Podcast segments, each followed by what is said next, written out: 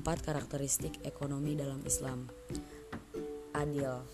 Adil bukan semata merupakan hasil kesepakatan sosial. Secara ringkas, adil dimaknai sebagai suatu keadaan bahwa terdapat keseimbangan atau proporsional di antara semua penyusun sistem. Kemudian tumbuh sepadan.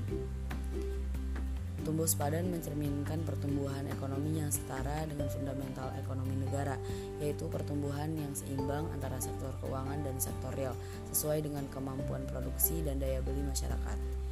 Lalu bermoral, ditunjukkan dengan adanya kesadaran dan pemahaman setiap anggota masyarakat terhadap kepentingan bersama dan kepentingan jangka panjang yang lebih penting daripada kepentingan individu. Lalu e, beradab perekonomian yang beradab yaitu perekonomian yang menjunjung tinggi nilai-nilai luhur seperti tradisi budaya yang diwariskan oleh nenek moyang selama tidak bertentangan dengan moralitas Islam.